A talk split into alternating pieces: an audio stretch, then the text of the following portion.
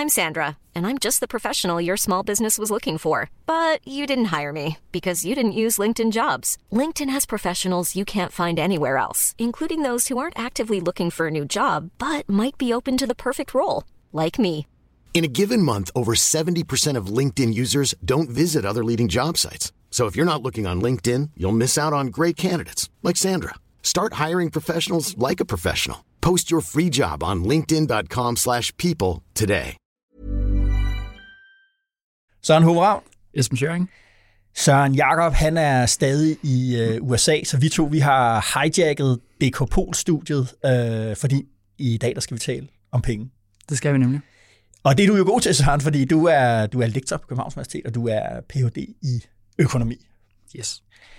Sidste gang du var her, Søren, der tror jeg, jeg tror det var op til Folketingsvalget for et år siden, og der talte vi om det, du sagde, reformernes tid i dansk politik, øh, de var nok ikke øh, slut. Mm. Øh, vi stod herinde, og vi regnede sådan på nogle servietter på, på råderummet, og når det hele var lagt til og trukket fra, så var det ret tydeligt, at der skulle ske noget, hvis der skulle være råd til welfare og warfare og klimapolitik og, og alt det der. Og det, det fik du jo ret i, øh, Søren. Altså, det har jo været en af de vigtigste nok bevæggrunde til, at Socialdemokratiet og Venstre mm. går sammen om ja. at lave en, en, en regering i en eller anden konstellation, at der var det her behov for at, at gøre pengekassen øh, større yes. til, at lave, til at lave ny øh, politik. Så det tænker jeg, at øh, vi skulle gøre lidt status her øh, et, et års tid øh, senere. Hvordan ser dansk økonomi egentlig ud, og hvad skete der med det der, vi talte rigtig meget om på det tidspunkt også, nemlig inflationen? Så synes jeg også, at vi skal tale øh, om tema, som jeg og Jakob dyrkede en del i, øh, i starten af året, nemlig industripolitik. Øh, en gang var vi øh, rigtig glade for, at vi var holdt op med at føre industripolitik, men med Joe Bidens øh, præsidentskab, så er industripolitik ikke bare sådan tilbage. Det udgør hjertet af hans, øh, både hans indrigspolitik og hans udenrigspolitik. Ja, det må man sige. Og det har også presset EU til også ligesom at finde, finde på noget selv. Yes. Øhm, så det jeg vil egentlig vide, du ved, hvad ved vi egentlig om industripolitik? Virker det, eller, eller føles det bare godt? og, øhm, og så har jeg jo gjort noget andet her i, i mellemtiden, så jeg har rodet mig ud i en økonomisk debat, selvom at jeg ikke ved så frygtelig meget om øh, økonomi, nemlig om de samfundsøkonomiske konsekvenser af, af klimapolitikken i regeringen. Der er man jo tydeligvis bange for, at den pris kan blive for høj. Øh, men spørger man økonomerne, så ryster de på og siger, at det, øh, det behøver så slet ikke at være. Øh, så der tænker jeg ligesom, nu bliver vi nødt til at have noget eksperthjælp øh, ind. Så det er altså øh, programmet, Søren, de offentlige finanser, industripolitik og klimapolitik. Det er der meget god anretning. Fedt. Så byder jeg velkommen til DKP.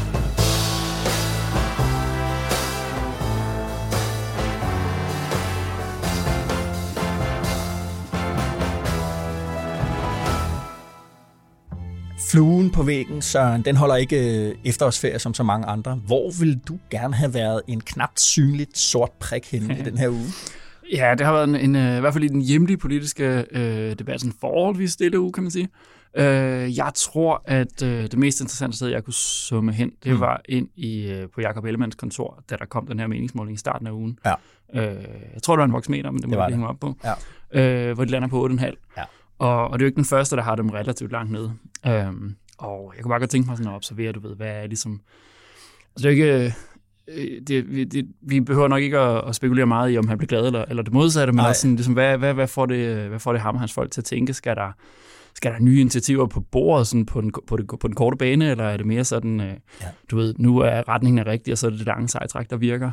Øhm, og nu kommer vi til at tale os om det her CO2-afgift lidt senere. Det kunne jo. måske være, uden at jeg sådan skal, skal forsøge at springe ud som politisk kommentator, så kan man vel, så behøver man vel ikke at være sådan det store kørekort i politisk øh, kansløberi for at konkludere, at øh, det nok ville være ideelt for Venstre at gå ind i den situation med jeg sige, en situation, hvor de kunne, eller en tilstand, hvor de kunne til, tillade sig at smide nogle vælgere, ja. øh, øh, som, som det vel ikke er usandsynligt, at det kommer til, mm. uden at det sådan vil være alt for kostbart for dem. Og det er jo svært, når de, når de allerede ligger. Det ligger er, der skal ikke mange meningsmålinger under, under, under 10 procent til, at, at, at krisen, det kan vi jo også se. Mm. Øh, folk begynder at tale til baggrund. Øh, hovedbestyrelsesmedlemmerne på dagen i den her uge, i en, en artikel i Jyllandsposten. Øh, der er ingen tvivl om, at, at der er indtil flere røde lamper, der, yes. der blinker der. Mm. Jamen, øh, min flue, Søren, jeg, vil, jeg, det jeg plejer jo at være mig, der er oppe på Jakob Ellemanns kontor, og, og, og Jakob der er ude i den store verden. Øh, den her gang er det så omvendt. Øh, jeg vil gerne have været sammen med Benjamin Netanyahu og Joe Biden til, til de, det eller de møder, der har, der har været her i kølvandet på terrorangrebet. Mm. Øh, altså, der er jo så mange, så meget politik, også geopolitik øh, på spil. Saudi-Arabien, mm. Iran, øh, russerne måske også.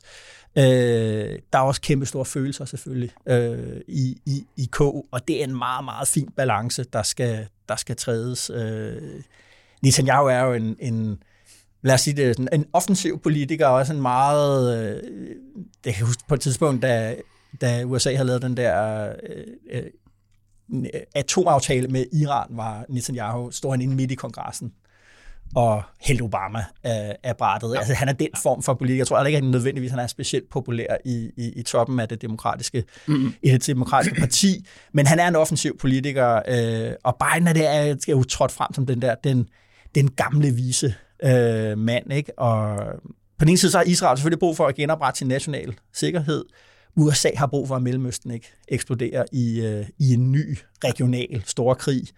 Øh, og den samtale der, mm. de to mm. imellem, deres kemi, den vil jeg meget, meget gerne, øh, den vil jeg meget, meget gerne se. Øh, Enig. Biden bliver jo ofte gjort sådan lidt til grin, og hans, hans alder er jo af mange ja, ja, ja. også blevet gjort til et problem. Men det, jeg har set fra, fra Biden i den her, lige den her situation, det synes jeg faktisk næsten har været ekstraordinært. Øh, jeg vil gerne spille et lydklip fra det pressemøde, han holder efter, øh, efter han har mødtes med, med, med Netanyahu. Det synes jeg er, er, er, er rigtig stærkt. Prøv lige at høre. But I caution this while you feel that rage. Don't be consumed by it. After 9-11, we were enraged in the United States. While we sought justice and got justice, we also made mistakes. I'm the first U.S. president to visit Israel in time of war. I've made wartime decisions. I know the choices are never clear or easy for the leadership. There's always cost, but it requires being deliberate. It requires asking very hard questions. It requires clarity about the objectives and an honest assessment about whether the path you're on will achieve those objectives. Det er jo den gamle visemand, der taler. Det er nemlig den gamle visemand, og der er mange, der bliver talt til på en gang mm, her, de mm, her, med ja. her ganske korte klip. Ikke? Selvfølgelig ja, Israels regering, den israelske befolkning, de amerikanske vælgere, og selvfølgelig også Mellemøstens Præcis. vælgere og, og ledere. Ikke? Og det her med, det han står og siger her, han henviser jo til krigen i Irak og krigen i Afghanistan og siger, jamen de mål, vi havde der, de blev ikke indfriet, ja. og at man skal passe på med at gå ind i noget. fejl undervejs. Det er det. Og, øh, og det, det synes jeg jo, for normalt vil man jo sådan tænke om, om at, at øh, lige når det kommer til Mellemøsten, så er, er øh, den amerikanske præsident, det er enhver amerikansk mm. præsidents øh, troværdighed og tillid øh, nok kan ligge et meget lille, lille sted efter de, efter de krige der. Ikke? Men han formår jo faktisk ligesom at bruge ja, ja. erfaringerne til øh, noget positivt, og jeg læste, at Axios, det amerikanske medie, de havde havde kilder inde fra, fra det møde der, øh, jeg gerne ville have været ja, okay. hvor det første spørgsmål, han siger, jamen, hvad er det, I gør dagen efter, I har indtaget mm-hmm. Gaza? Ja. Det er jo lige præcis det der, hvad er det, vi gør dagen efter, vi har invaderet ja, ja, øh, og erobret øh, Bagdad? Mm. Hvad er det så, vi gør? Ikke? Det spørgsmål der, det synes jeg er, er rigtig interessant at høre, hvordan reagerer man på det.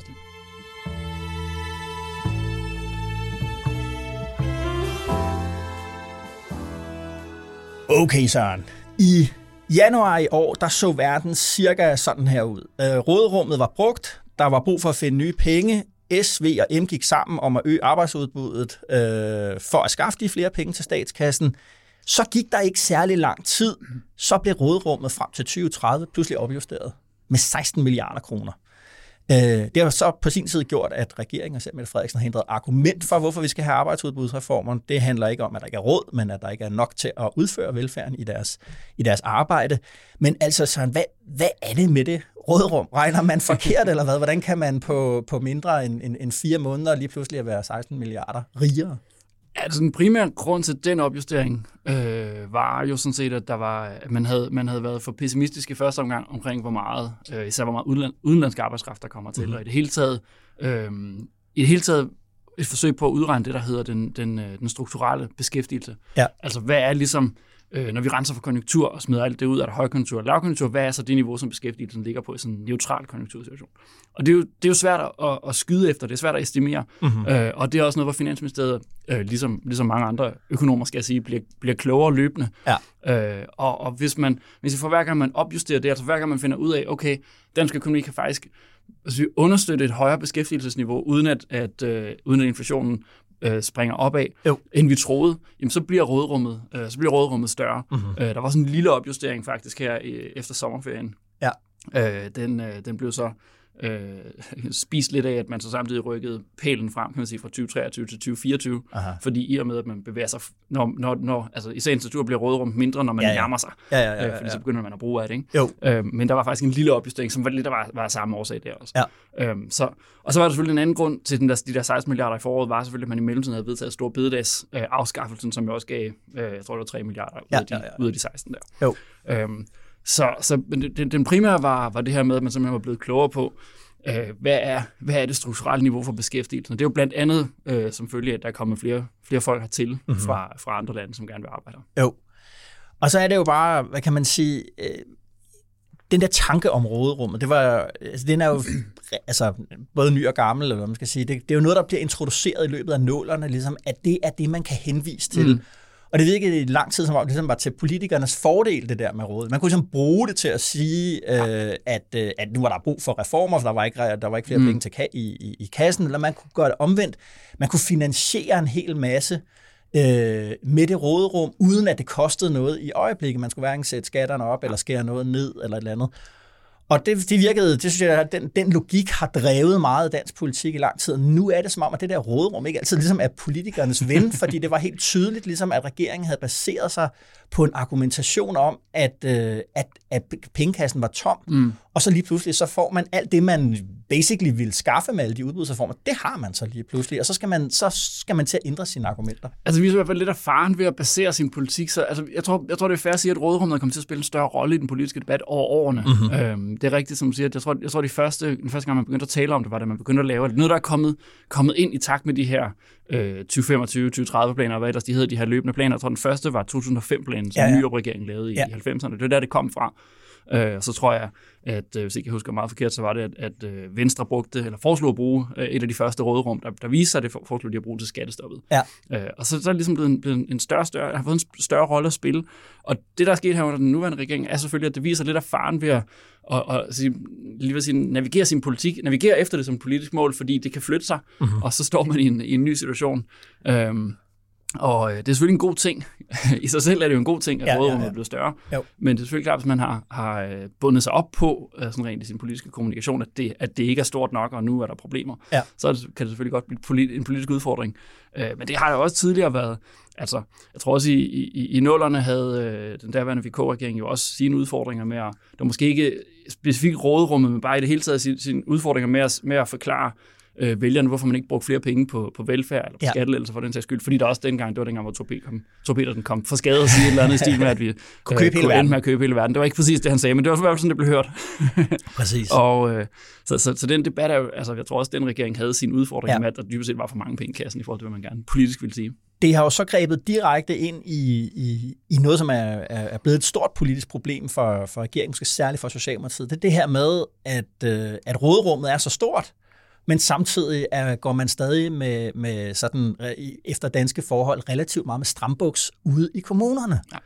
Øh, og det her med, at borgmestre, det sagen kører også i den her uge besparelser på, på hvad alle vil betegnes som kernevelfærd, altså pleje og rengøring mm, hjemme hos de mm. ældre og sådan noget. Den der logik, fordi der sidder regeringen så og siger, at de der skattelettelser, vi taler om, de er finansieret i det der råderum. Øh, de er ikke finansieret i indeværende, i indeværende år. Jeg tror også, det handler også lige så meget om timing på dem, tror jeg. For det, i princippet kan man godt råderumsfinansiere, og så indføre dem øh, i morgen.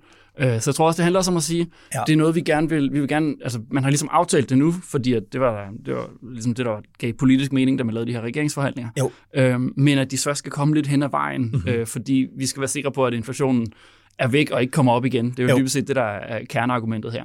Ja. Øhm, fordi det vil være ekstra svært. Det er allerede en svær kommunikativ øvelse, kan man jo observere ved selvsyn, men det vil jo. være endnu sværere, hvis man, hvis man gav skattelettelserne samtidig med, at man havde de her, ja. den her forholdsvis øh, øh, sige, spare, sparsomlige politik ude i kommunerne. Ja. Øhm, men det er selvfølgelig svært nok alligevel, fordi at, at debatten er der jo, skattelettelser, den bliver jo omtalt. Det er jo ikke sådan, at, at, øh, at vi ikke ved, at de er der, fordi Nej. Regeringen har jo, har jo talt om dem vidt og bredt. Ja, ja, de Øh, ligger i regeringsgrundlaget. Præcis, og derfor er det jo super svært for, for politikerne at, at, stå, stå på mål for den kritik, der kommer fra borgmesterne. Ja. Lad os tale om inflation lige, øh, lige om lidt. Jeg vil gerne lige ind i noget andet, fordi den der spørgsmål, er der råd, er der ikke råd, mm. øh, mangler der hænder, mangler der ikke hænder, det har jo givet, altså det, er- den, det er en meget central debat, øh, specielt det sidste halvårs tid har jo været, arbejder vi nok, øh, eller skal vi gøre noget politisk nu, fordi vi i fremtiden vil arbejde mm. øh, øh, mindre. Og her er der jo noget så sjældent, Søren, som en, en, øh, en, øh, en, en, en debat mellem to prominente af dine øh, kollegaer. er Øh, professor Nina Schmidt på den ene side, og overvismand Karl Johan Dalgaard øh, på den anden. Nina Schmidt siger ligesom, at hun opstiller, jeg tror det man kalder et trilemma. Vi kan ikke arbejde mindre, få samme velfærd og fastholde cirka det skatteniveau, øh, vi har. Man må vælge, og hun vælger, og hun synes, ligesom, det er åbenlyst at vælge, at vi skal arbejde noget mere. Og det er Mm. også den kurs, Mette Frederiksen har slået ind på. Der har Karl Johan Dalgaard mere sagt, jamen altså, det må fremtidens demokrati og fremtidens politikere og fremtidens borgere finde ud af, hvordan de vil, hvordan de vil navigere i det her øh, dilemma for indeværende og sådan lige øh, de, de, de kommende år. Der er der egentlig ikke det der mm. øh, problem. Hvordan skal man forstå den der debat så? Jamen, jeg tror, altså, det er, jo, det, er jo ikke, øh, det er jo ikke forkert, når Nina Schmidt siger, at, at, øhm, at vi kan ikke både arbejde mindre og få bedre velfærd, og, og så samtidig betale det samme, eller samme, cirka samme skatteniveau, som vi har. ja. Det er jo rigtigt nok. Øhm, men, men det er jo ikke indlysende, at nutidens generation skal tage stilling til det på, kan man sige, på fremtidens generationers, fremtidige generationers vegne. Nej. Eller at vi skal arbejde mere i dag, fordi vi tror, at vores børn vil arbejde mindre om 30 år. Mm-hmm. Øh, det, det virker sådan lidt... Øh, det ved jeg ikke. Det er svært... Altså, ideen med, med de her finanspolitiske holdbarhedsberegninger, man laver, Ja. er jo at sørge for, at, at man ikke efterlader en regning i børneværelset. Men, Ja. men der er jo heller ikke nødvendigvis en stor logik i, at vi skal efterlade en kæmpe med check i, i børneværelset. Det giver mening, at, at fremtidige generationer finansierer deres, Ja. deres velfærd og deres, altså afvejer deres... Øh, Prioriteter. Præcis, Ja. i forhold til, hvad, hvad, hvad, hvordan ser de på verden? Ja. Og altså, jeg tror, i forhold til det her med at arbejde mindre, så må man bare sige, at øh, det er en, en ret generel tendens, at i, i, på, på, altså over mange hundrede år, mm. og for, for mennesker, i, øh, ikke kun i Danmark, men i mange lande, at i takt med, at mennesker bliver rigere, Ja. ja. så vælger vi at veksle noget af den velstand til forbrug, Ja. ja. og noget af den til fritid, som er de to ting, vi, der, der ved jeg ikke, gør os lykkelige, eller som vi godt kan lide at, at, at få mere af. Ikke? Jo. Og, øh, og det er en meget, meget grundlæggende tendens, som jeg tror, at nu kan det godt være, at vi har en flertalsregering. Jeg tror, de, gør sig, jeg tror, de stiller sig selv øh, blå i øjnene, stikker sig selv blå i øjnene, hvis de tror, at de kan bryde med den tendens Ja. øh, til, at vi arbejder mindre over, sådan, over lang tid. Det kan Ja. godt være, at man i, i kortere perioder ikke gør det, men sådan, når man ser på trenden i det her, Ja. så, så kan jeg ikke se, hvorfor den her trend skulle, skulle forsvinde, Nej. øh, som har været der i, som sagt, i mange år. Så Keynes mm. sagde jo berømt for 100 år siden, at vi ville komme til at arbejde meget, meget lidt. Ja, ja. Mindre end vi egentlig gør faktisk, ikke? Så han, Jo. han overvurderede den her udvikling, men, men han havde jo ret dybest set i, hvor vi går hen. Ikke? Ja. Og, og det, jeg kan ikke se, hvorfor et fremtidige generationer ikke også skulle vælge at veksle noget af, deres vel, noget af den velstandsstigning, som vi må formode, der kommer i de kommende årtier, Mhm. Ja. til at holde mere fri. Ja. Og så har jeg det sådan lidt, jamen, altså, hvis, det, hvis det er deres fundamentale ønske at arbejde mindre, Ja. så, så finder vi jo noget. Så må, så må velfærdsstaten jo finde en løsning på det. Ja. Øh, det er jo ikke... Øh, altså, øh, det, det, det, kan jo, det kan jo lade sig gøre, så må man, det ved jeg ikke, så må, man jo, så må fremtidige generationer jo vælge, om de vil betale mere skat, eller om de vil have lavere serviceniveau, eller, eller hvordan de nu vil skrue tingene sammen. Og det er også det, der jeg tænker på, hvordan, hvad skal man sige, råderummet, som er sådan en, en politisk, retorisk størrelse, øh, hvad det har betydet for den måde, vi tænker politik på, fordi øh, det er ligesom om, at, at den der historiske bevidsthed, altså at nu planlægger vi vores økonomi 5, 10, mm. 30 år øh, frem i tiden. Vi har også en historisk bevidsthed sådan, øh, tilbage i tid, hvor vi sådan står og kigger på en periode, vi også kommer til at tale om lige om lidt, krisen, mm. øh, velfærdsstaten befinder sig i løbet af 70'erne, hvad vi gjorde for at løse ja. det, hvad der ligesom er blevet, altså det at udvide arbejdsudbuddet, har jo, var jo en af de ting, man ligesom, det kaldte man det ikke på det tidspunkt, øh, der i løbet af 80'erne, mm. men det var det, man fandt ud af, at det var en måde at genoprette konkurrenceevnen på, den store, jeg har ævlet om det, tusindvis af gange her, nemlig fælleserklæringen fra 87, der sådan ligesom kodificerer, institutionaliserer, at det er det, vi, at konkurrenceevnen er fælles mål for arbejdstager, arbejdsgiver ja, Ja, og politikere, og derfor så bliver man enige om, hvad det er for et politisk rum, vi er i. Nogle gange tænker jeg, at den der historiske bevidsthed tilbage i tid, og hvad kan man sige, frem i tid, den har en tendens til nogle gange ligesom også at lægge sig meget tungt oven på politik. Ja, det er helt enig i, og, og, men jeg tror også, man skal... man skal huske, at, at hvis vi går tilbage til 70'erne og 80'erne, så var det der med, selvom man ikke, som jeg ikke kaldte det, men altså det der med at skaffe øget arbejdsudbud var et middel, så har det været indtil, for, i virkeligheden indtil den her regering, det har været et middel Ja. til for eksempel at sørge for, at finanspolitikken også er langtidsholdbar. Ja.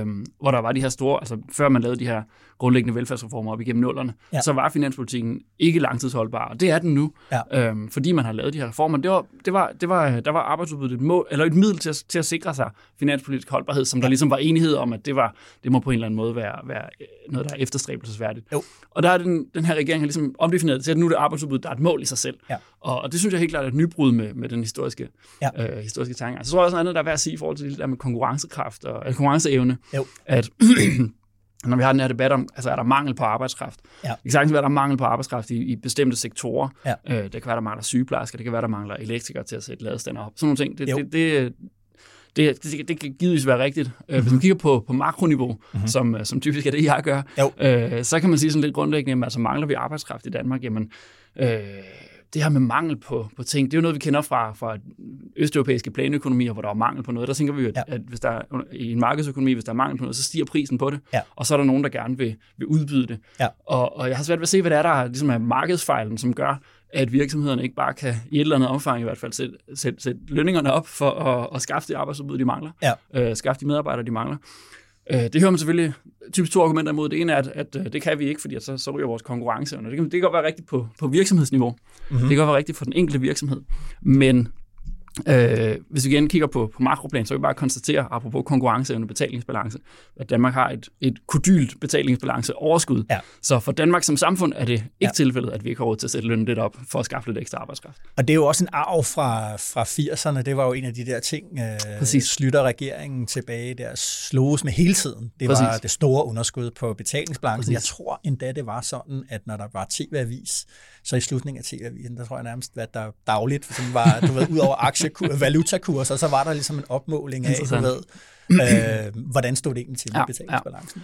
Øh, og så, så, så det, jeg tror, det andet argument, man typisk hører imod det, det er, så, det er så at sige, at der bliver ikke flere medarbejdere af, at vi, at vi sætter lønningerne op. Ja. Og det er også rigtigt, men, men det er også lidt en pointe i sig selv, kan man sige. Jamen, på lang sigt, så er der, altså for en økonom giver den her definition af, af strukturelt mangel på arbejdskraft, giver ikke rigtig mening, fordi jamen, strukturelt, så er der den mængde arbejdsudbud, der nu engang er i landet. Jo. Øh, jeg plejer nogle gange at sige til mine studerende, prøv at tænke, hvor meget vi kunne producere, hvis vi havde lige så mange medarbejdere, som de har i Tyskland. Ja. Men nu har vi engang den arbejdsstyrke, vi har i Danmark, og det er sådan Jo. lidt, derfor bliver det nogle gange så lidt ting på et tal. Jo. Vi kunne producere meget mere, hvis vi havde så også mange flere. Ja, vi kunne producere endnu mere, hvis vi havde endnu flere. Jo. Øh, det er lidt en hypotetisk Ja. ja. øvelse nogle gange. Alright, Søren. Så lad os øh, vende tilbage til, til det der med inflation. Den talte vi også rigtig meget om Det må man i, i, i, i januar. Og vi talte om, at nu kom renterne op, øh, og derfor per almindelig økonomisk snusfornuft, så vil der komme mere arbejdsløshed, der vil komme recession, øh, økonomien vil stå stille. Før omtalte Johan, øh, Karl Johan Dalgaard øh, havde jo præcis den øh, pointe mm. at vi, ki- vi så ligesom ind i en, en, en nær fremtid, Ja. hvor, hvor det vil være øh, tilfældet. Og det skete overhovedet ikke. Øh, beskæftigelsen har vist øh, aldrig været øh, højere, og så alligevel falder øh, inflationen. Og der havde det sådan, okay, nu har jeg endelig forstået, troede jeg, ikke? vigtige makroøkonomiske sammenhænge, og jeg havde også flottet mig med den visdom øh, rundt omkring. Og så tænker jeg ligesom, laver I øh, ligesom spillereglerne om, mm. som, vi, øh, som, ja. Som vi bevæger os hen, så han bare så, I altid har ret. Hvorfor er inflationen faldet, selvom vi ikke har mistet vores jobs? Ja, det er der, lige så vel som der var flere grunde til, at inflationen steg, så er der også flere årsager til, at den øh, er kommet ned igen. Og en, en væsentlig del af det handler simpelthen helt lavpraktisk om, øh, om energipriser. Ja. Altså energipriserne var en del af forklaringen på, at, at inflationen kom op. Ja. Nu er energipriserne faldet, og det trækker isoleret set inflationen nedad igen. Ja. Så det er sådan den helt mekaniske del. Altså det kan man simpelthen Uanset hvad vi gør med Ja, renter op præcis. og ned og sådan Det kan man noget. jo- Ja, fordi de her energipriser øh, reagerer i hvert fald ikke på, på, på renten i Danmark. De reagerer muligvis på, på det bredere internationale renteniveau i et eller andet omfang, men, Okay. men det er nok ikke det, der primært driver energipriserne, det er det ikke. Øh, og, så der er ligesom kommet, øh, lige så vel som vi blev ramt af modvind på vej opad, så er der kommet noget medvind i den forstand, at energipriserne er faldet. Det kan man jo verificere ved bare at, at, at, at, at google, hvad er priserne på, på forskellige råvarer, energi Ja, ja, ja. osv. Øh, så, det, så det er en, af, en del af forklaringen. Mm-hmm. Øhm, en anden del af forklaringen er selvfølgelig, øh, og her kommer det, du i virkeligheden spørger til, at centralbankerne så sag, reagerede ret kraftigt med at sætte renterne op. Og hvorfor er det så, at det ikke har ført til massiv arbejdsløshed? Ja. Det har også været en debat blandt økonomer, vil jeg lige sige, så, Okay. du, så du er i godt selskab her. øh, og, øh, og, øhm, og hvor blandt andre Olivier Blanchard, som er tidligere cheføkonom i, i IMF, Ja. øh, har undret sig over det, og har haft en debat med andre økonomer, blandt andet på Twitter, eller det hedder X nu, Ja. øh, om, øh, om, om hvorfor at, at, at, at, det egentlig kunne lade sig gøre. Mhm. Mm-hmm. Og et af de argumenter, der er blevet fremført, er, at det handler blandt andet om, øh, om inflationsforventninger, altså ja. hvordan man kan få inflationen ned, uden at arbejdsløsheden kommer op. Det kan man, hvis man kan bringe inflationsforventningerne ned. Aha. Øhm, og, og her skal man, det her, det, det, det, det er et kompliceret argument, fordi man kan ikke bare, hvis man bare finder, sø, hvis man bare søger på inflationsforventninger, så er det ikke sådan, at man kan se, at inflationsforventningerne bare høvlet op, og så derefter høvlet ned igen. Nej. Man skal kigge lidt mere subtilt. Mm-hmm. Man skal for eksempel kigge lidt på spredningen på tværs af, hvad, hvad siger de her forskellige folk, man spørger i de her surveys, hvad, hvor, hvor, hvor, uenige er de med hinanden. Det er Jo. ikke bare gennemsnittet, der, der Hvordan måler man det? Nu skal du lige sige, hvordan, hvordan, øh, hvad- er måleenheden her? Hvordan Ja, men der- finder man ud af det? Der er forskellige måder. Altså, der er både sådan nogle markedsbaserede, hvor man sammenligner for eksempel øh, inflationsindekseret og ikke inflationsindekseret obligationer. Så kan man ud fra det trække ud, hvad forventer markedet om inflation. Det er Ja. en måde at gøre det på. Jo. Og noget andet er, hvor man, hvor man bare helt lavpraktisk spørger folk, øh, hvordan, hvad, for, hvad forventer du inflation? Virksomheder, Virksomheder og husholdninger. I virkeligheden mest husholdninger. Ja. Okay. Øh, man har begyndt på det med virksomheder også, men man har gjort det mere med husholdninger. Okay. set. Ja. Øh, der er et amerikansk survey, som har gjort det her siden, Mhm. mm-hmm. siden 70'erne i virkeligheden. Mm-hmm. Og, øh, og hvis man kigger på den her uenighed, så kan man godt se, at der er sket nogle ting. Øh, det er ikke sådan, men det er ikke sådan, at det springer lige, lige direkte i øjnene. Men jeg tror, der ligger en hel del af forklaringen her, at, at øh, hvad skal man sige, inflationsforventningerne, det der skete var, at centralbankerne lod, øh, centralbankerne ventede exceptionelt længe med at sætte renten op. Ja. Øh, altså i forhold til, hvor høj inflationen faktisk var. Ja. Øh, I et omfang, så, så, så mange begyndte at spørge sig selv, hvorfor er det egentlig, at centralbankerne ikke gør noget? Ja. Og, og det tror jeg var med til, at, at, at inflationsforventningerne fik lov til ligesom at løsne sig lidt. Folk begyndte at forvente, at "Nå, okay, nu, nu Går vi ind i en lang periode ja, med stigende i hvert fald en, en, en, en bestemt, en, en ikke helt kort periode, fordi centralbankerne synligheden ikke så bekymret for det her, mm-hmm. at de mener, det er noget, de skal reagere på. Nej. Øh, og omvendt må man så sige, da de så endelig gik ind i kampen, så var det ligesom med fuld, øh, hvad hedder sådan noget, fanfare, ikke? Nu sagde Jo. de nu, okay, nu har vi ombestemt os, nu skal vi, det sagde de måske ikke ordret, men det var nærmest det, de i hvert fald med deres handlinger indikeret, Ja. øh, sat renten meget, meget markant og meget, meget kraftigt op. Og vi bliver op. ved, indtil inflationen Præcis. falder. Kommunikationen ja. har været lige præcis det der. Nu, nu, nu skal inflationen bare ned, koste hvad det, hvad det nærmest vil. Ikke? Jo. Så jeg tror, der har været en underliggende tendens til, at, at inflationsforventningerne har fået lov at løfte sig opad, Ja. øh, og så har de efterfølgende fået et gok nedad. Mhm. Mm-hmm. Øh, det, det, det er ikke fuldstændig nemt at substantiere det her med data, fordi øh, data for inflationsforventningerne er ikke fuldstændig øh, helt så... Det er ikke helt så nemt, som hvis man bare kigger på, på lidt mere hardcore data, kan man sige. Præcis. Øhm, men jeg tror, at min, inde i mit hoved, der må det nødvendigvis have noget med, med det at gøre. Men, og, og, og så vender vi jo tilbage til den der, det der, vi talte om før. Det var jo det store problem i, et af de store problemer i 70'erne, det var, at inflationen øh, steg mod himlen, mm.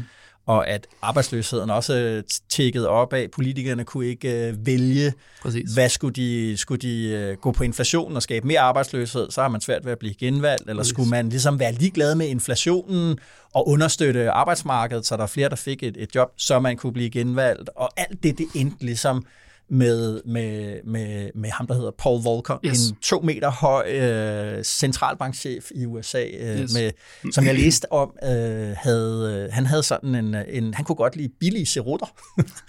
øh, han blev meget berømt, satte renten øh, helt op under de 20 pro- procent. Øh, I Danmark kom renten op over øh, 20 procent i en vis periode i 80'erne. Det skal nok Øh, og så fik vi de der kaskader af arbejdsløshed og vækstproblemer og alt det der. Ja. Der har historien jo været, at det var fordi, han satte renten op øh, og gjorde penge dyre, og på den måde skabte øh, recession i økonomierne, mm, mm. så vi ikke kunne bruge så mange penge, så priserne øh, begyndte at, at, at falde, fordi folk ikke havde råd til at, at, at betale Ja. for dem længere. Den logik, den, så vi ligesom, nu står vi lige pludselig her og siger, at det handler egentlig slet ikke så meget direkte om priser og antallet af folk, der er, der er uden arbejde eller har et arbejde. Altså, det handler om noget sådan noget lidt fluffy, synes jeg, undskyld, jeg siger det, som forventninger til Ja, men det- fremtiden. Men det er rigtigt. Og, øh, og man har jo talt meget om, det, der er stadig, lad, os sige, lad os starte med at sige, at økonomer debatterer stadigvæk, øh, hvad var ligesom lærerne af 70'erne og start 80'erne, der, hvad, hvad, hvad, kan vi lære af Volker? Så Ja. det er ikke sådan, at det er sat in stone på den måde. Nej. Men, men altså, en del af det, man taler om, det var, at, at øh, Volker sådan set var nødt til at opbygge den her troværdighed på centralbankens vegne, fordi man, ja. havde, man havde haft den her ubeslutsomhed, som du beskrev før. Centralbankerne var ikke rigtig for alvor uafhængige af politikerne. Mhm. Mm-hmm. Øhm, og så var det, man sagde, nu, nu, nu satte man ligesom en mand ind, som havde fået den her opgave, og så måtte han opbygge den troværdighed ved at sige, nu gør vi det her. Ja. Øh, herhjemme kan man sammenligne det lidt med, at man, at man indførte det 82 fastkurspolitikken, hvor det også ligesom var, Ja. at til at starte med, så var det måske ikke nødvendigvis øh, noget, som, som havde lige så meget troværdighed, som det har i dag, fordi dengang kom vi fra en periode i 70'erne, hvor man havde devalueret den ene gang efter den anden. Præcis. Så, så når ja, nu siger de fastkurspolitik, men altså, det, det tror man ikke på fra den ene dag til den anden. Man Nej. tror på det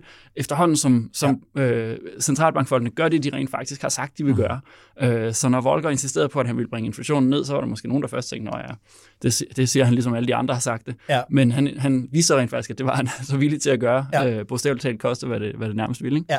Ja. Øhm, på samme måde som, at man herhjemme har opbygget troværdighed om fastkurspolitikken ved at faktisk at stå fast på den. Ja. Og øhm, der kan man måske sige, at, at, at trækker parallellen op til i dag, at, at centralbankerne kan nyde godt af, at der sådan i overordnet træk vil er, er, er, er en vis troværdighed til, at når centralbanker siger noget, Mhm. mm-hmm. så, så sætter de også handling bag ordene. Så behøver man ikke nødvendigvis at smadre økonomien, fordi folk tror rent faktisk på, når man siger noget. Ja. Øhm, altså vi har det, det bedste eksempel på det her med, med centralbankerne styre forventningerne, synes jeg stadigvæk er Mario Draghi, den tidligere ECB-chef, som jo dybest set endte eurokrisen. Nu forsimpler jeg en lille smule, men, Oh, jo. men hvis man skal sætte fingeren på et punkt, der, der sluttede eurokrisen, så var det, da Mario Draghi gik ind og sagde, at det her berømte ord, the ECB will do whatever it takes to save the euro. Vi køber obligationer, uanset nærmest hvad det er, for at holde hånden under euroen. Euroen er kommet for at blive. Men han gjorde det jo, det, det eneste han gjorde den dag, det var, at han, at han holdt en taling også. Ja. Og han, han, han ændrede ikke øh, pengepolitikken, han satte ikke renten op eller ned, han købte ikke nogen obligationer, han gjorde ikke alt muligt andet, Nej. men holdt en tale. Og, øh, og det var ligesom det, der skulle til. Og på den måde kan man sige, at centralbanker har sådan set en, en, en evne til at bruge deres kommunikation til Mhm. mm-hmm. og, og, og så, i hvert fald at medvirke til at styre økonomien. Selvfølgelig kræver det, at man samtidig sætter handling bag ordene. Jeg tror, centralbankerne kunne i 2022 nok ikke have bragt inflationen ned, hvis de ikke havde. De kunne ikke bare sige, nu vil vi reagere på inflation, og så ikke have gjort det samtidig. Nej. Men, men i det, de går ud og sætter renten op, øh, og samtidig så kommunikerer, nu gør vi det her, og vi gør det indtil. Og prøv lige at forklare, når vi så ligesom, når man så spørger mig, tror du, at prisen på, på mælk øh, er, er, stiger den også bare i 2024, eller tror du ligesom, den stabiliserer sig? Jeg siger, hmm, jeg, jamen, jeg tror ikke, den stiger til 15 kroner eller 20 kroner literen. Jeg tror, den, den bliver nok på de der 12-13 øh, kroner, øh, jeg, giver, jeg giver nu. Hvorfor betyder det, at det så bliver rigtigt? Jamen det, det gør det selvfølgelig, fordi hvis du, øh, hvis du har en forventning om, at prisniveauet er omtrent det, som du, som du kender i dag, så behøver du ikke løbe ned på, øh, på din chefskontor og sige, nu, øh, nu skal jeg altså have noget mere i løn. Øh, nu er Jacob her ikke i dag, så... Det er udmærket, at godt ikke er her i dag. Det kan godt være, han, det kan godt være, han lytter med, så jeg behøver ikke give dig gode idéer her i, i, i live. Men, øhm, men, men altså helt grundlæggende handler det jo om, at hvis man tror på, at, at ens nuværende løn bevarer sin købekraft, Ja. så har man mindre incitament til at presse på for at få lønstigninger. Omvendt, hvis man tror, at, at næste år så stiger priserne på det, man, man, man køber for sin løn, Ja. så vil man selvfølgelig have mere i løn, så man kan opbevare den købekraft, man har. Og det vil sige, så er der den der berømte lønprisspiral. Det er den måde, det ligesom kan blive, få den her selvbekræftende Okay. øh, øh, øh, natur, som, mm-hmm. som ofte refereres til som, som lønprisspiraler. Fordi man tror, at priserne stiger, så stiller man her krav om højere lønninger, og så stiger virksomhedens omkostninger, og så stiger deres priser rent faktisk. Og, og så skal vi jo så også lige slå fast, at det, at vi taler om, at inflationen falder nu, det er ikke det samme som, at min mælk bliver billigere. Nej. Den holder bare op med at blive dyrere. Øh, faktisk bliver den dyrere i langsommere tempo, for okay. at være helt præcis. Ja. Fordi inflationen er jo stadigvæk øh, positiv. Ja. Øh, inflationen er jo nu ned, lige nu tror jeg faktisk, de seneste tal er sådan noget 0,9, så lige nu er den meget lav. Ja. Øh, det er måske, øh, jeg tror de fleste forventer, at den kommer, den, den, den tigger, tigger nok lidt op igen, så lige nu er vi på Ja. en, eller anden, en eller anden lokal dal. Ja. Øhm, men inflationen, så længe den stadigvæk er positiv, så betyder det stadigvæk, at priserne stiger. Ja. De, øh, de stiger bare langsommere. Mm-hmm. Øh, så så længe vi ikke har deflation, så Ja. bliver din mælk ikke billigere igen. Nej. Øh, og holder den op med at stige i pris, ikke fuldstændig, men den stiger i pris lige så langsomt, som du måske var vant til øh, for fem år siden. Ja. Det vil sige, hvor, du ikke, hvor man ikke rigtig mærker den, hvor man måske har en inflation på de her Hvor procent om året. løn, en almindelig jævn lønudvikling Præcis. og en almindelig jævn prisudvikling ligesom bare i synk. Præcis, med et par procent om året. Som, ja. Okay, så, så sidste spørgsmål, inden vi skal, inden vi skal tale om klima, Søren. Altså det her med forventningernes betydning, den her, det, er jo, det er jo psykologi. Det er jo, er vi optimister, eller er vi pessimister? Ja. Øhm, det kan jeg huske, øh, at jeg talte øh, en gang med føromtalte Paul, Paul Slytter, øh, om hans øh, måde at være politiker på, måde at være statsminister på. Og, og, og det der jo var ved det, var, at at landet standede virkelig våde, øh, i, specielt i de, i de første 4-5 år af hans, af hans øh, tid som statsminister. Arbejdsløsheden var jo permanent øh, omkring de der 10 procent. Mm. Det knækkede jo faktisk først i midten af, af 90'erne. Og alligevel var Slytter sådan grundlæggende væsen øh, optimistisk. Og så spørger jeg, hvordan kan du blive ved med at være optimistisk? Alle nøgletallene mm. peger den forkerte vej. Og så sagde han ligesom bare, jamen det er man nødt til. Som statsminister er man nødt til at være øh, optimistisk. Og det har, har, jeg, har, har jeg og andre jo sådan tænkt på, når det netop måske kom til Mette Frederiksen, som i hvert fald under tiden har slået en mere pessimistisk sådan, grundtone an. Uh, hendes første tale, der, i, mm. da hun åbnede Folketinget i, i, i 19, efter hun var blevet statsminister, jordbærboden, og det, du ved, at idyllen var forsvundet, og utrygheden ja. havde, havde, havde knæsat sig i, i, i samfundet. Hvad betyder politikers øh, evne til at påvirke vores grundstemning, vores politiske mm. grundstemning i positiv og negativ øh, retning for sådan noget som inflation, og hvordan det går for økonomien? Ja. Hvad ved vi om det? Altså, det er svært at være helt fuldstændig... Det er svært at, at, at fuldstændig slå nal fast, øh, ja, fast at, at øh, hvis en politiker... Øh, ved jeg, jeg har svært ved at pege på, på studier og evidens, der siger, at ja. hvis politikerne er så og så meget mere optimistiske, så betyder det så og så meget mere. Altså, vi ved en masse om, at, øh, at optimisme, eller confidence, eller hvad vi sådan skal kalde dem, øh, betyder noget for, hvordan økonomien klarer sig.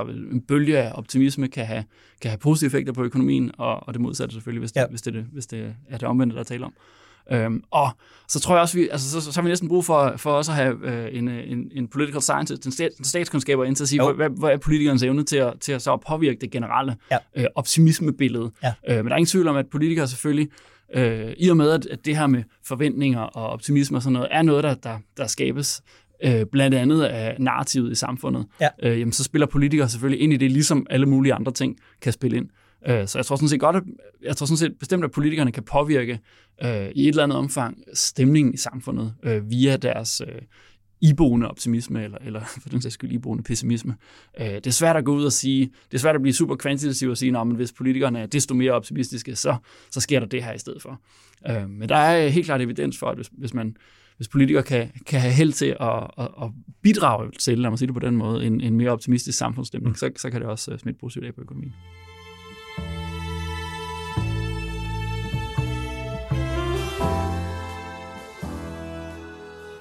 Alright, så nu fik vi talt om, øh, om, om Paul Volcker øh, før, og det er jo meget behendigt, øh, fordi hvad det hedder, øh, det spiller en vis rolle i en, den her debat, jeg har kastet mig øh, ud i med, med dine kollegaer rundt yes. omkring i tænketanke, og også på, også på helt inde ved siden af din kontor, og sådan noget inde på universitetet det er det her spørgsmål om klimapolitik mm. og dens, øh, dens omkostninger. Hvis man lytter til øh, blandt andet, hvad klimaminister Lars Ågaard siger og skriver, øh, så er man meget opmærksom på, at øh, vi må ikke indføre en klimapolitik, altså en CO2-afgift, som koster på væksten, som koster på arbejdsløsheden. Det er skrevet ind i klimaloven. Det skal ligesom være i synk øh, med det, og det er man bange for, at det ikke gør.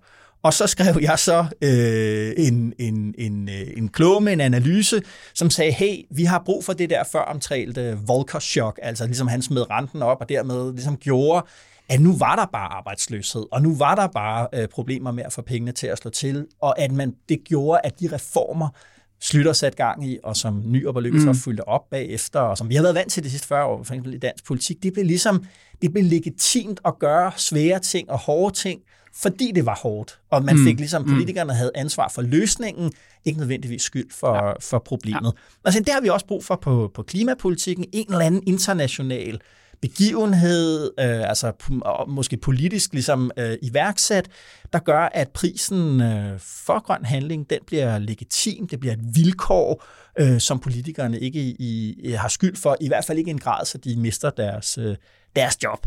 Så kom dine kollegaer Søren og sagde, jamen, det behøver slet ikke at blive øh, så dyrt.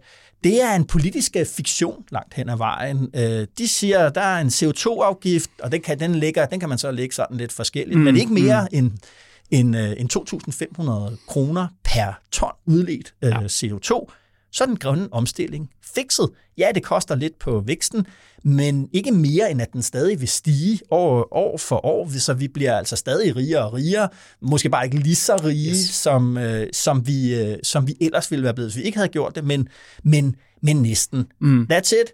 Piece of cake. Hvordan det, Søren? øh, jamen det er klart, der, jeg tror, der er, der er nok forskellige elementer i den her debat. Øh, og, øh, og vi økonomer er jo også et, øh, hvad skal man sige, et selvsikkert folkefærd, som, øh, som, som ofte ikke holder os tilbage fra at, øh, og, og rådgiver også nogle gange siger, at nu skal, nu skal I bare høre her, det er sådan her, det er. Ja. Øhm, altså, jeg tror, øh, der er flere ting i det. Øh, det er rigtigt, at helt grundlæggende, så er den her, øh, så, så er omkostningen, hvis vi ser på det fra et dansk perspektiv, Ja. lad mig lige sætte, den, sætte det fast, jeg kan vende tilbage til bagefter, hvorfor, øh, så, så er det her, vi taler måske om, at, at øh, hvis vi skal have den her CO2-afgift på, på de her 2.500 Ja. ja. kroner, som, du- som talte om før, Ja. så er omkostningen måske sådan 3-4 procent af BNP, noget i den stil, mm-hmm. Mhm. noget i den størrelsesorden. Mm-hmm. Øh, men vel at mærke jo, øh, af, øh, vel at mærke, at det her er jo en regning, der ikke skal betales i morgen, men en regning, som vi kan betale over en årrække, altså Ja. ja. frem mod, er det 2045, vi sigter mod Ja, at være ja, ja, ja. Ikke? Jo. Og, øhm, og, og netop i den periode vil vi have en betydelig BNP-vækst, sådan Mhm. mm-hmm. så, at det ikke er, man kan sige, det er måske nødvendigt spørgsmål, om vi skal have punkten op af lommen så meget, som vi bare ikke får. Ja. Øh, vi bliver bare ikke lige så meget rigere, som vi ellers ville være blevet. Ja. Øhm, men, men, men det er ikke en forfærdelig stor omkostning. Hvis vi kigger på det i, i forhold til forbruget, så er det måske et par procent af- privatforbruget, vi skal bruge på det Ja, her. ja, ja. Og, og også hvis vi kigger på det i forhold til, hvor mange mennesker er det, der skal skifte arbejds eller skifte branche, Ja. øhm, at det er heller ikke, du ved, der, er- det er måske, lad os sige, 50.000 personer, der skal skifte branche. Hvis vi skal blive klimaneutrale. Ja. ja. Øh, altså, der er 3 millioner i arbejdsstyrken i Danmark. Mm-hmm. Der er flere hundredtusind, der skifter job hvert år, og en, Ja. stor, en betydelig del af dem i hvert fald skifter også branche hvert år. Ja. Og i og med, at det her igen er noget, der skal ske over en overrække, så kan man da sige, at de behøver ikke alle sammen skifte branche. Der vil givetvis være nogen, der, der trækker sig tilbage i naturlig afgang, nogen Ja, går ja, på ja. pension, Ja. og så kommer der bare ikke lige så mange, helt lavprægt, lige så mange unge landmænd ind, som der går på pension, Ja. øh, eller, eller hvad det nu måtte være. Jo. Øhm, så, så hvis man skærer det sådan lidt ned, så er det rigtigt, at, at strengt fagøkonomisk, så er det ikke nødvendigvis en, en uoverstigelig øh, øh, regning, der skal betales her. Nej. Og, og derfor er jeg sådan set, øh, derfor er jeg måske ikke så overraskende enig med, med mine kolleger i, at det her måske ikke så meget en økonomisk omkostning, som det Mm. også er en, øh, en politisk omkostning. Jeg tror, man skal finde forklaring i noget, der, i, i noget som måske virkelig mere er over i, i statskundskabernes Jo. banehalvdel, det her status, status quo bias, som man tit taler om, hvor Ja. du ved, det er svært at gennemføre reformer, som måske egentlig er samfundsgavnlige, fordi de står til, at der er en masse mennesker, der får en lille gevinst ud af det, men der er nogle få mennesker, der får en stor omkostning, og de mennesker, de er selvfølgelig villige til at gå på barrikaderne, Ja. øh, mens at alle de mennesker, der får en lille gevinst, de er sådan lidt, nej, det, det kan de ikke rigtig hisse op over, ikke? Og så kan, det, så kan det lille mindretal måske blokere for det. Ja. Øh, og det tror jeg, det handler om, at det her, det er, det er jo klart, at den her omkostning, som der trods alt er, Mhm. mm-hmm. så kan det godt være, at den ikke er gigantisk på makroniveau, men ja. den er ikke jævnt fordelt ud over befolkningen, og i stedet er den ikke jævnt fordelt geografisk. Nej. Og, øh, og, så, og det, dermed, ind, dermed inddrager man også flere mennesker i det, fordi hvis, det er, hvis der taler om, at der er nogle landmænd, der måske ikke længere skal drive landbrug, men skal over i nogle andre brancher i stedet for, så er der måske dels vil der være nogle, nogle leverandører, nogle, nogle virksomheder, som, øh, som heller ikke længere skal, lever, skal levere til de landmænd. Ja. Men det er måske også et spørgsmål om, at hvis man bor i et, et landsbysamfund og oplever, at der er nogle få landmænd, men som fylder, som fylder en del i lokalbilledet, mm-hmm. der ikke længere driver landbrug, mm-hmm. øh, så får man måske den her opfattelse af, øh, tingene går i den forkerte retning. Ja. Øh, det her er en forringelse. Mm-hmm. Øh, rent politisk bevæger samfundet sig. Det sa- samfund, det, mit lokalsamfund, mit nærmiljø bevæger sig i den forkerte retning. Ja.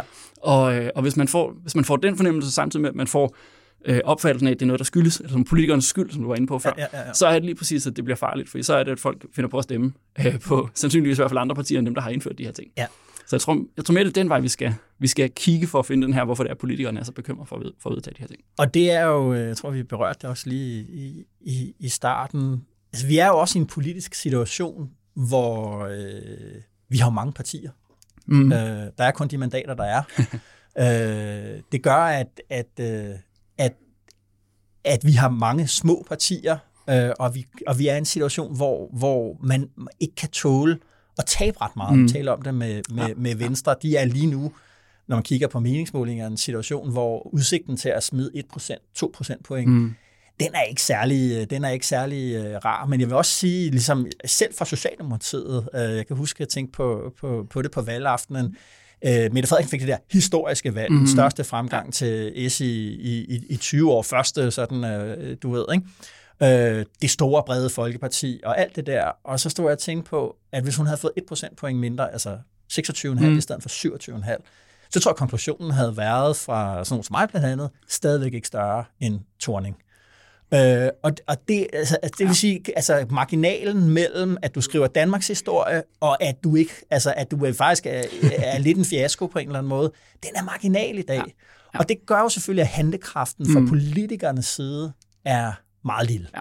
Så tror jeg, man skal tilføje to ting til det, jeg sagde før, så ligesom, måske også for at komme der lidt i møde i virkeligheden, med din, din del af analysen. Ikke? øh, at den ene er, at den pris, som, som, som florerer, ikke den, som jeg taler om før, den her omkostning, der er trods alt er til at, til at håndtere, Ja. den er selvfølgelig betinget på, at politikerne gør det, som økonomerne har sagt, at de skal gøre, nemlig at indføre den her CO2-afgift, den skal være høj, og den skal indføres dybest set hurtigst muligt, måske Mhm. Ja. med en eller anden indfasning, men, men gerne Og den skal være forholdsvis generel. hurtigt. Og den skal være generelt, den skal omfatte alle, ikke alle mulige undtagelser. Mm. Landbrug, Aalborg Portland og hvad ellers Ja, ja, ja, øh, ja, man kunne forestille sig.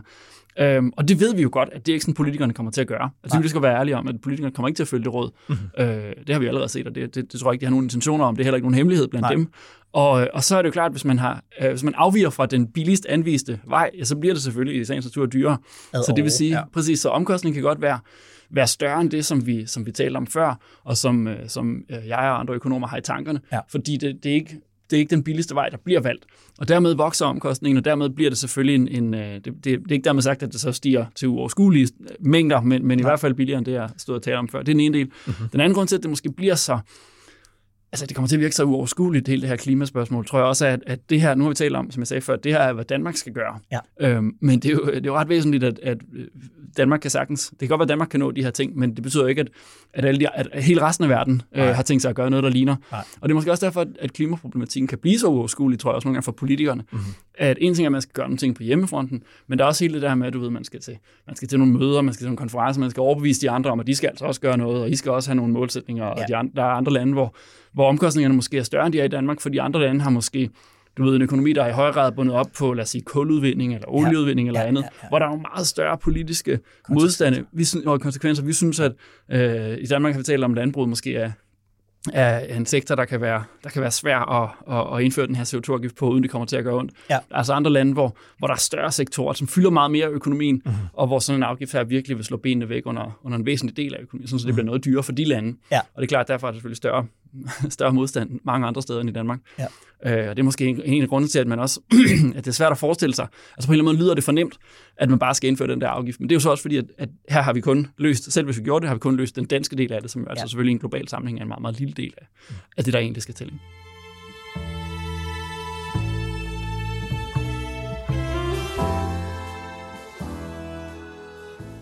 A modern American industrial strategy identifies specific sectors that are foundational to economic growth, strategic from a national security perspective, and where private industry on its own isn't poised to make the investments needed to secure our national ambitions. Ja, Søren, her var det øh, Jake Sullivan, der i slutningen af april i år holdt et øh, efterhånden meget berømt foredrag på den amerikanske øh, tænketank Brookings Institution om Joe Bidens industripolitik. Interessant nok, øh, så er, er Sullivan ikke National Economy øh, Advisor, men National Security Advisor.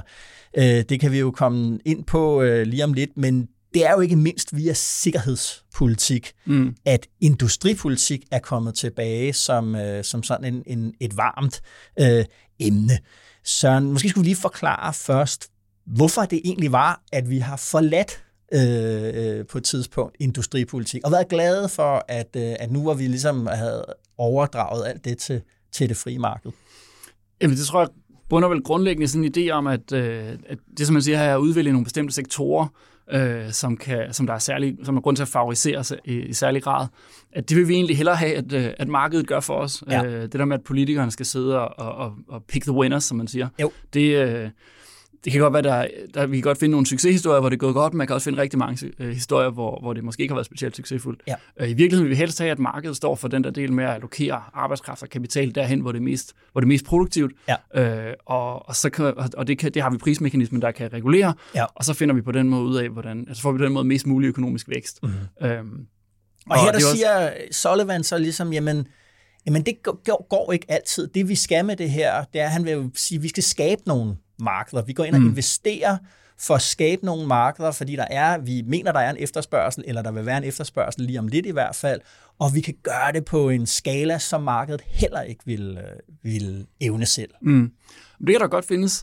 Det kan der godt findes argumenter for. Man har tit en diskussion for eksempel med mængden af forskning. Bliver der, bliver der forsket for lidt, hvis man overlader det til markedet? Det er en af grundene til, at man har, en offentlig, at man har offentlig betalt forskning.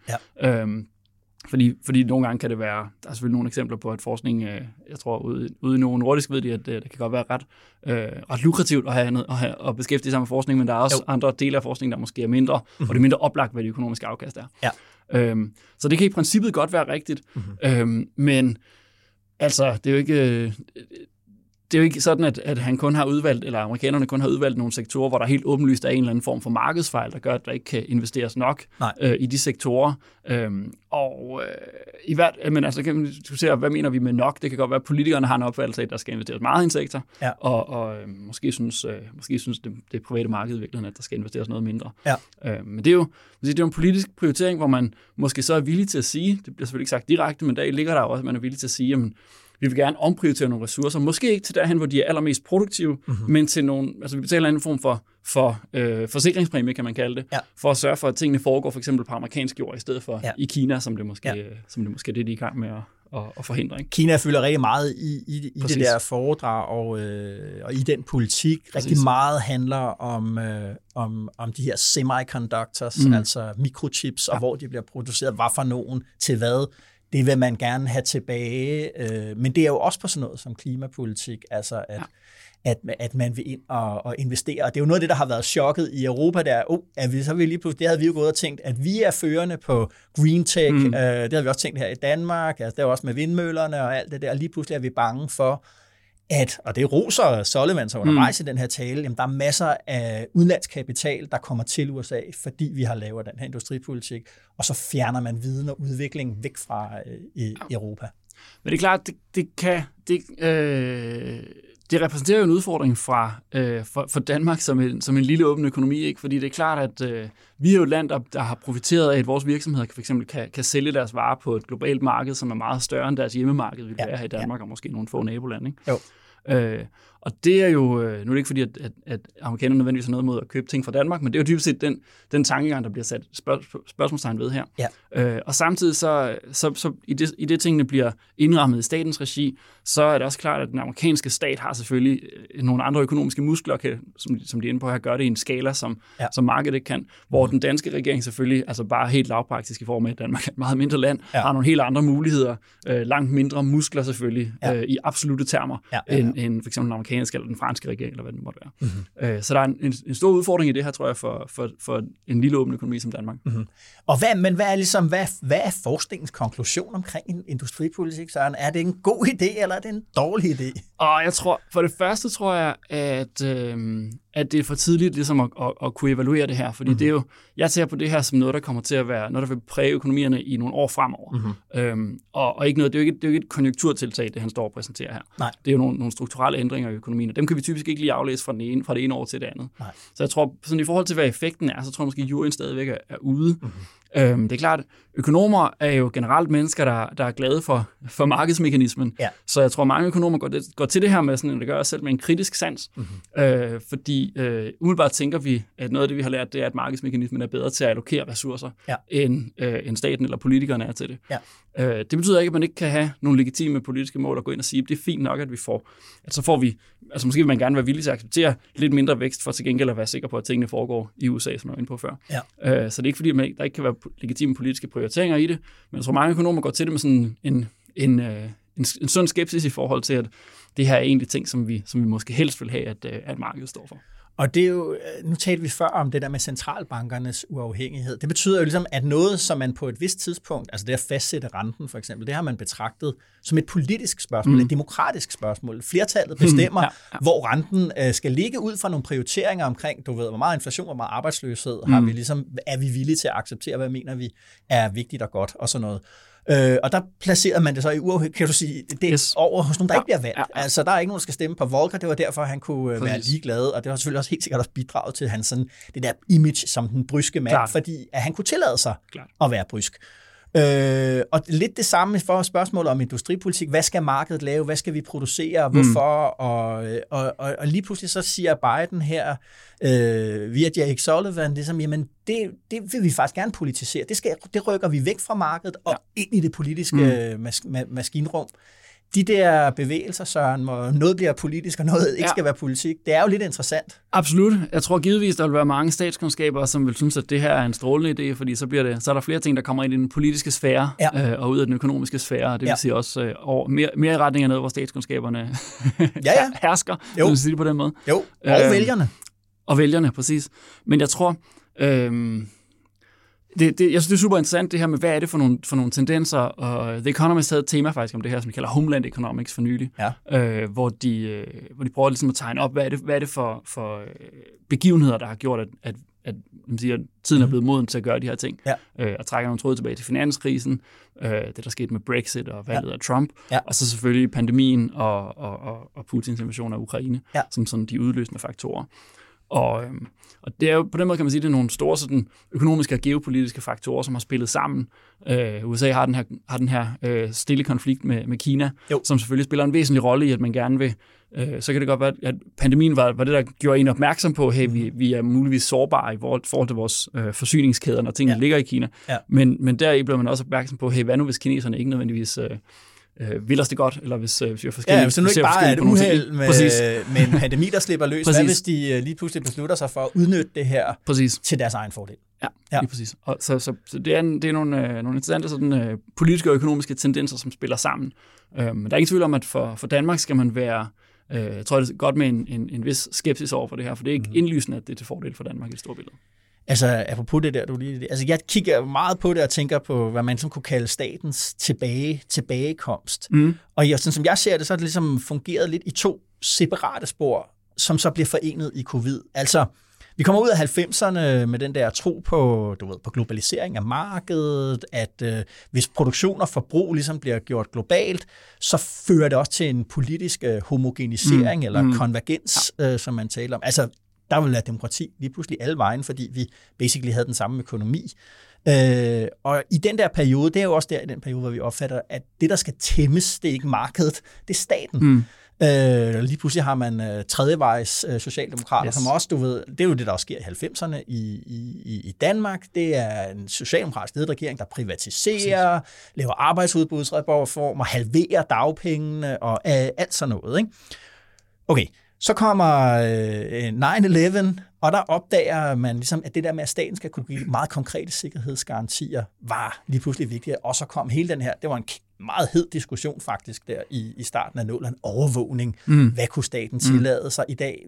Når man læser den debat af, så sidder man tænker, hvad, hvad er de så sure over næsten? Ikke? Altså fordi vi har vendet os så ja, meget til, at, øh, at, at staten kigger os øh, over skulderen for at passe på os, øh, øh, at, at, at det virker ukontroversielt. Så kommer finanskrisen 2008, og der, kan, der er vi ligesom over et andet spor. Der ser vi, at centralbankerne, som vi har talt en del om her nu, øh, spiller en nøglerolle, og er særligt mm. den amerikanske centralbank, som jo virkelig, og er i virkeligheden også en form for sikkerhed. Det er det der med at være den der reservevalutaen, Præcis. dem, der kan redde verdensøkonomien ved at, at, at opsuge en masse gæld og på sin egen, på sin egen bankkonto, hvis man kan sige det, mm. øh, på, den, på den måde, og at man havde en rolle, centralbankernes vigtigste rolle var at pumpe penge ud i økonomien, så, så, så, så vi ikke ligesom øh, gik, øh, gik i, i stå. Okay, og så er det så kommer covid, så ligesom, hvor de der to ting bliver forenet. På den ene side er der noget konkret sikkerhedspolitik, mm. der handler om, kan vi værne konkrete menneskeliv over for, øh, over for øh, en, en, en dødelig sygdom, men muligvis dødelig sygdom, senere også for med vaccinationsprogrammerne, organisere dem osv., og på den anden side, på den økonomiske side, altså holde hånden under. Præcis. Det gjorde man på forskellige måder. Nogen betalte direkte penge ud ja. til, til, til forbrugerne. I, i, I Danmark gik man meget ind og holdt hånden under øh, virksomhederne, så de kunne blive ved med at betale øh, løn. Okay, og igen fortsatte centralbankerne også der med at pumpe en masse Klar. penge øh, øh, ud. ud ikke?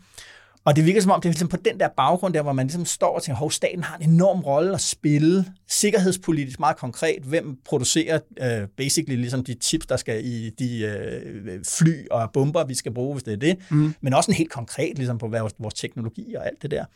Øh, og på den anden side, det der med, at, at staten har en meget vigtig rolle at spille i, i økonomien. Der er vi på 20 år, det er jo ikke mere i virkeligheden, der har vi ligesom foretaget en ret radikal forandring af vores idé om, du ved, stat, mm. marked, mm. og hvordan de to forholder sig til hinanden. Jamen det er rigtigt, det er, det er, på den måde er det meget sandt, det er netop en sikkerhedsrådgiver, der taler til økonomerne, ikke? fordi økonomi, altså det, det, det, sikkerhed handler også om økonomisk sikkerhed her. Det er det. Øh, sikkerhed for, at man, at man stadigvæk har et arbejde og en indkomst. Og, øh, og det kan man sige, der blev, der blev det virkelig også det, som øh, tilbage til, hvad jeg sagde før med Economist, havde trukket nogle, nogle tråde op til, til, hvad der er sket ja. i de seneste årtier. Det er jo der, hvor man også kommer til at tænke på finanskrisen, som selvfølgelig øh, var, kan man sige, den der åbenbaring efter nogle årtier, som du beskrev, hvor man havde tænkt mere marked og mindre stat, så, så, ja. så er det klart, at under finanskrisen var jo også en situation, hvor, hvor regeringer og centralbanker især måtte træde til ja. øhm, og, og, og ligesom hjælpe økonomien igennem, og undgå, at, det blev, undgå, at økonomien faldt helt i, i et sort hul, og at vi fik en ny Great Depression som i 30'erne. Ja. Øhm, og, og, og der kan man sige, den, det var måske øh, allerede en, en, en øjenåbner for nogen, at hov, det kan faktisk godt være, at det stadigvæk er nyttigt at have øh, at, at, at centralbankerne og i virkeligheden også finansministerierne har nogle økonomiske muskler, der gør, at de kan føre noget, ja. noget øh, krisepolitik, stabilisere økonomierne ja. i kriser, ja. og måske i, i, i større grad, end man havde, end man havde øh, troet i årene op til, hvor i hvert fald den del af det, der, der vedrørt finansministerierne, ligesom var ved at være lidt ude af mode. Øh, der havde man tænkt, at, at det der med at styre økonomiens konjunkturudsving, det er noget, centralbankerne gør, ja. Og så, og så behøver finansministerierne sådan set ikke at foretage sig alt det der med konjunkturpolitik. Det kan de, det kan de dybest set glemme om. Ja. Glem, glemme alt, hvad de, hvad de, øh, det, det kan de glemme alt om, fordi mm-hmm. øh, det er der sådan set taget styr på. Ja. Og det var, der var finanskrisen jo allerede noget under for, at måske kan der faktisk være en, en, en rolle at spille. Ja. Øh, blandt andet jo fordi, at centralbanken løb ind i det her issue med, at de ikke kunne sætte renten længere ned. Ja. Øhm, og der, det var en af grundene til, at, sådan, at, at finansministerierne kom, mm-hmm. kom på banen igen. Mm-hmm. Øhm, så jeg tror, man skal finde en del af, af ophavet til det, vi ser nu, sådan set også i, hvad der skete under finanskrisen og efter finanskrisen. Og i en dansk øh, politisk sammenhæng, der synes jeg, det er interessant i en vis forstand, at øh, det er de borgerlige i Danmark, der sidder på, øh, på regeringsmagten ved de der to første kriser, altså 9-11 mm. og finanskrisen, mens det er Socialdemokratiet, der sidder på regeringsmagten øh, i, under, pandemien. I, under pandemien, der hvor de der to spor bliver flettet sammen, og, og, og den der sikkerhedsstat lige pludselig øh, dukker op som et, et, et, et, et, nyt paradigme, fordi i mine øjne har det ikke sikkert som bidrag til, at Mette Frederiksen har den der styrke, når det kommer til det politiske emne tryghed, altså ligesom i talsætte det tryghed, og mm, have noget troværdighed på, på, på tryghedspolitikken, mens det, for at vende tilbage til, til din fluestart, noget af årsagen til Venstres krise, øh, tror jeg ikke nødvendigvis bare handler om, øh, du ved, Jakob Ellemann og tilstanden mm. i Blå Blok og alt det der. Jeg tror også meget, det handler om, hvorvidt øh, Venstre i dag kan stå som en eksponent for tryghed øh, i, i, i en tid, hvor det er, er efterspurgt, ikke bare af vælgerne, men jo også sådan ligesom på de der helt store klinger øh, i, øh, i, i, i politik, og at man jo under covid-krisen lidt havnede i det der med, enten så havde man ligesom bare Mette Frederiksens svar, eller også slog man ind på den her meget markante frihedsdiskurs, og nu skal vi ligesom øh, få, få staten ud mm, igen. Mm. Og på den måde ligesom afhændede sig den der, det, det, det her øh, sikkerhedspolitiske kort, den her Jack Sullivan-position, hvor ja hvor en masse ting lige pludselig er blevet politiske igen, fordi sikkerhed er blevet et politisk spørgsmål igen. Ja.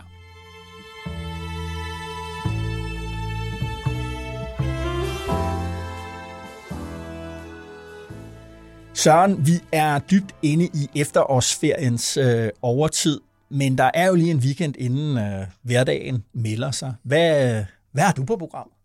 Øh, jeg har simpelthen en fødselsdag. Hej. Øh, på søndag. Tillykke. Tak. Hej. Øh, så jeg skal have familiebesøg. Det er ikke noget, det er ikke noget øh, rundt eller noget i den stil, Nå, okay. men, øh, men dog ikke desto mindre øh, familiebesøg til, øh, til fødselsdags øh, frokost og wow. boller og kage noget den stil. Det lyder dejligt. Så, så jeg skal forberede mig på det. Mm. Hvad med dig? Jamen, øh, slap af. Øh, jeg er i gang med at læse øh, Rasmus Hage Dallands bog om dansk, øh, om dansk landbrug, apropos mm. CO2-afgifter. Den håber jeg på at gøre færdig. Og så vi ser jo frem mod en storm her i dag og øh, i morgen, men søndag skulle det blive øh, rigtig godt vejr. Cykelvejr. Cykelvejr, så jeg skal på gravel-tur til Gribskov. Fedt. Mm. Men Søren, inden vi øh, går på weekend og sender lytterne på weekend, der skal vi jo også lige øh, komme med en, en anbefaling. Hvad har du, øh, hvad har du med under armen? Jamen, øh, jeg har taget en, øh, en artikel med, som jeg læste i det magasin, der hedder The New Yorker, ja. som er sådan en lille smule fra, fra egen boldgade i den forstand, at det handler om nogle, nogle forskere, nogle akademikere. Øh, og så stopper vi, godt lige sige sammenligning også, fordi at det er nogle mennesker, der er kommet i problemer, fordi de simpelthen okay. er blevet, blevet afsløret i at have fusket med deres, med deres data i forbindelse med deres forskning. Ja. Og, og en af grunden til, at, at jeg synes, det er interessant, det er, at det her det er to, det er to top-top folk fra amerikanske topuniversiteter, ja. øhm, som, øhm, som har været altså virkelig... Øh, øh, super højt betalte mm-hmm. øh, øh, speakers til alle mulige store øh, virksomhedsbegivenheder, har, har rådgivet regeringer rundt omkring, mm-hmm. og, øh, og, som, øh, og som efterfølgende er blevet afsløret i, at de har, de har mingeleret med deres data Aha. i forbindelse med nogle af de her studier, som, som handler om det er lidt relateret til hele det her felt, der hedder øh, adfærdsøkonomi og nudging, altså hvordan man kan forsøge at puffe folk til at gøre et eller andet bestemt. Ja. Og et af de studier, de blandt andet er kommet problemer med, er, hvor, hvor, øh, hvor en af forskerne har, øh, har været inde og se på, om man kunne, øh, når, man, når man beder folk udfylde deres bilforsikring, mm-hmm. øh, så skal de angive, hvor mange kilometer de kører. Og hans hypotese var, at man kunne få dem til at angive, der er selvfølgelig altid et incitament til at angive, at man kører mindre, fordi at så, kan, mm-hmm. du ved, så bliver det billigere at have forsikring. Jo, jo. Øhm, og så er en af hans hypoteser, at det kunne man i højere grad få folk til at, til at tale sandt, hvis man øh, satte en boks med, at øh, det er vigtigt, at du taler sandt, i det, eller du skal skrive under på, at du taler sandt nu. Mm-hmm. Hvis man satte den boks, inden de udfylder, i stedet for at sætte den ned i bunden af skemaet, det kunne man have en effekt på, hvorvidt folk udfyldte ærligt eller ej. De var blevet mindet om, at de skulle være ærlige. Jo. Øh, det er blandt andet i de studier, der, der så nu er blevet tilbagevist. Okay. Øhm, så det er jo interessant, fordi de her, altså de har simpelthen studeret øh, studier, øh, de har simpelthen studeret, hvad, hvor, hvor, hvor tilbøjelige er folk til at lyve, mm-hmm. hvor tilbøjelige er folk til at fortælle sandheden, og så viser det sig, at det der skæbens ironi, at de selv har lovet omkring de her resultater, de har lavet. Uh-huh. Øh, de, har, de har fusket Fordi noget de data. gerne vil have et bestemt resultat? Ja, eller? ja, altså fordi de gerne vil vil have, at de her resultater fremstod, signifikante fremstod som noget, der kunne publiceres og fortælle sin historie om, og sige, se engang, det her, det virker rent faktisk. Øh, hvor måske var bundlinjen så, at det ikke gjorde noget, om du satte den her sandhedsboks i toppen eller i bunden. Det er selvfølgelig ikke lige så interessant at publicere.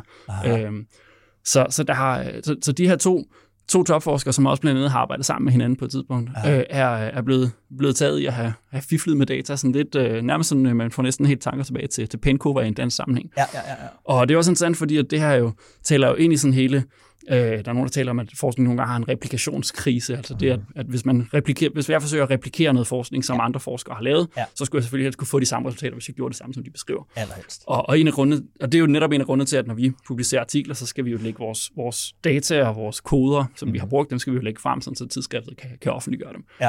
Og det er noget, som tidsskrifter tager mere og mere alvorligt i de her år, og det kommer nok bare til at blive puffet yderligere op af, af Ja. den her sag, der så nu har været den her meget berømte sag. Mm-hmm. Det er en lang artikel. Mm-hmm. Øh, den fylder nogle af 30 sider. Øh, jeg, da var så, op. jeg var så lidt sent i at printe den. øh, øh, den, hedder, den hedder They Studied Dishonesty, Was Their Work a Lie? Mm-hmm. Øh, Wow. og, og øh, det vil sige, det gør den i, i online-versionen. Jeg tror faktisk, at det, der står i slutningen af artiklen, at den printede version, der hedder den uh, Big Little Lies. Okay, Um, efter, efter tv-serien. Yes, Ja, ja, ja, en fyr, der hedder Gideon Lewis Krause. Og Okay. okay. jeg synes, det er interessant, den er skrevet godt til, til folk, der ikke øh, beskæftiger sig med forskning normalt, men til at forstå, hvad der, der er fundet sted her. Så det er bare sådan en god, det er en super interessant historie, synes jeg. Ja, spændende. Fedt. Jeg har taget, jeg er også lidt i over i den økonomiske øh, side. Øh, den her bog, jeg har talt om den øh, før, men nu er jeg blevet færdig med den, så nu vil jeg anbefale. Den hedder The Economic Weapon. Mm. Den er skrevet af en, øh, jeg tror han er hollænder faktisk, der hedder Nicholas Mulder.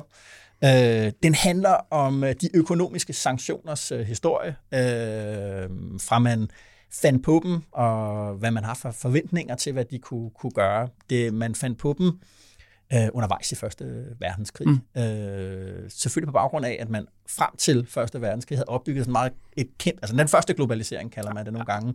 Masser af frihandel, øh, lige pludselig kan man se alle de der tal og øh, forsyningskæder og alt det der, og kunne man gribe ind i dem i forhold til at få øh, knække den, den tyske krigsmaskine mm. under, under første øh, verdenskrig. Og øh, det lykkes øh, i datidens øjne til fulde. Øh, det forholder han sig noget mere skeptisk over for, om det nu lige var også var det. Ja. Men i hvert fald så bliver det lige pludselig et politisk fænomen. Øh, man tænker, at Folkeforbundet, det er en af de væsentligste midler, Folkeforbundet har til at sikre fred, det er sanktioner, mm. truslen om sanktioner.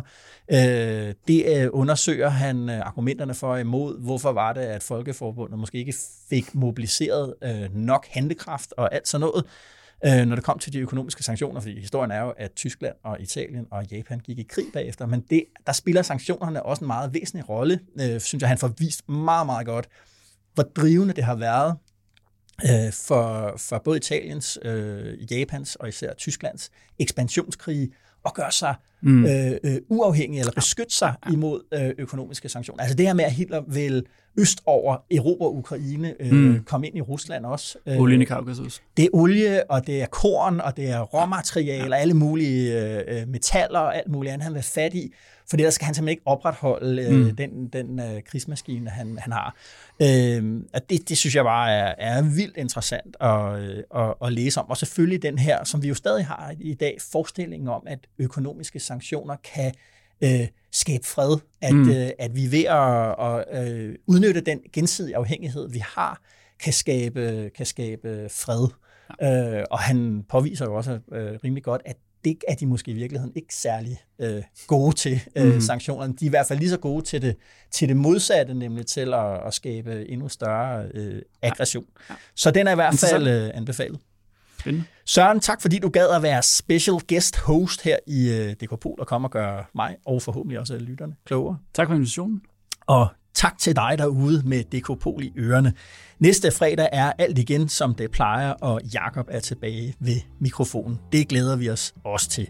Vi glæder os også over, at du tuner ind på Dekopol, som rigtig mange andre gør. Det er vi enormt stolte af her på Alting, og jeg håber, at du vil give os dine likes og stjerner og anbefale Dekopol til dem af dine venner og bekendte, der er en eller anden uforklarlig grund endnu ikke hører DKPol. Emma Klitnes redigerede denne episode af DKPol med sin vanlige snille og professionelle håndlag, og vi spillede klip fra ABC News og Brookings Institution – mit navn er Esben Schøring, og jeg er politisk redaktør her på Altinget. Og jeg ønsker dig og dine en god weekend og god og endelig ikke for voldsom vind.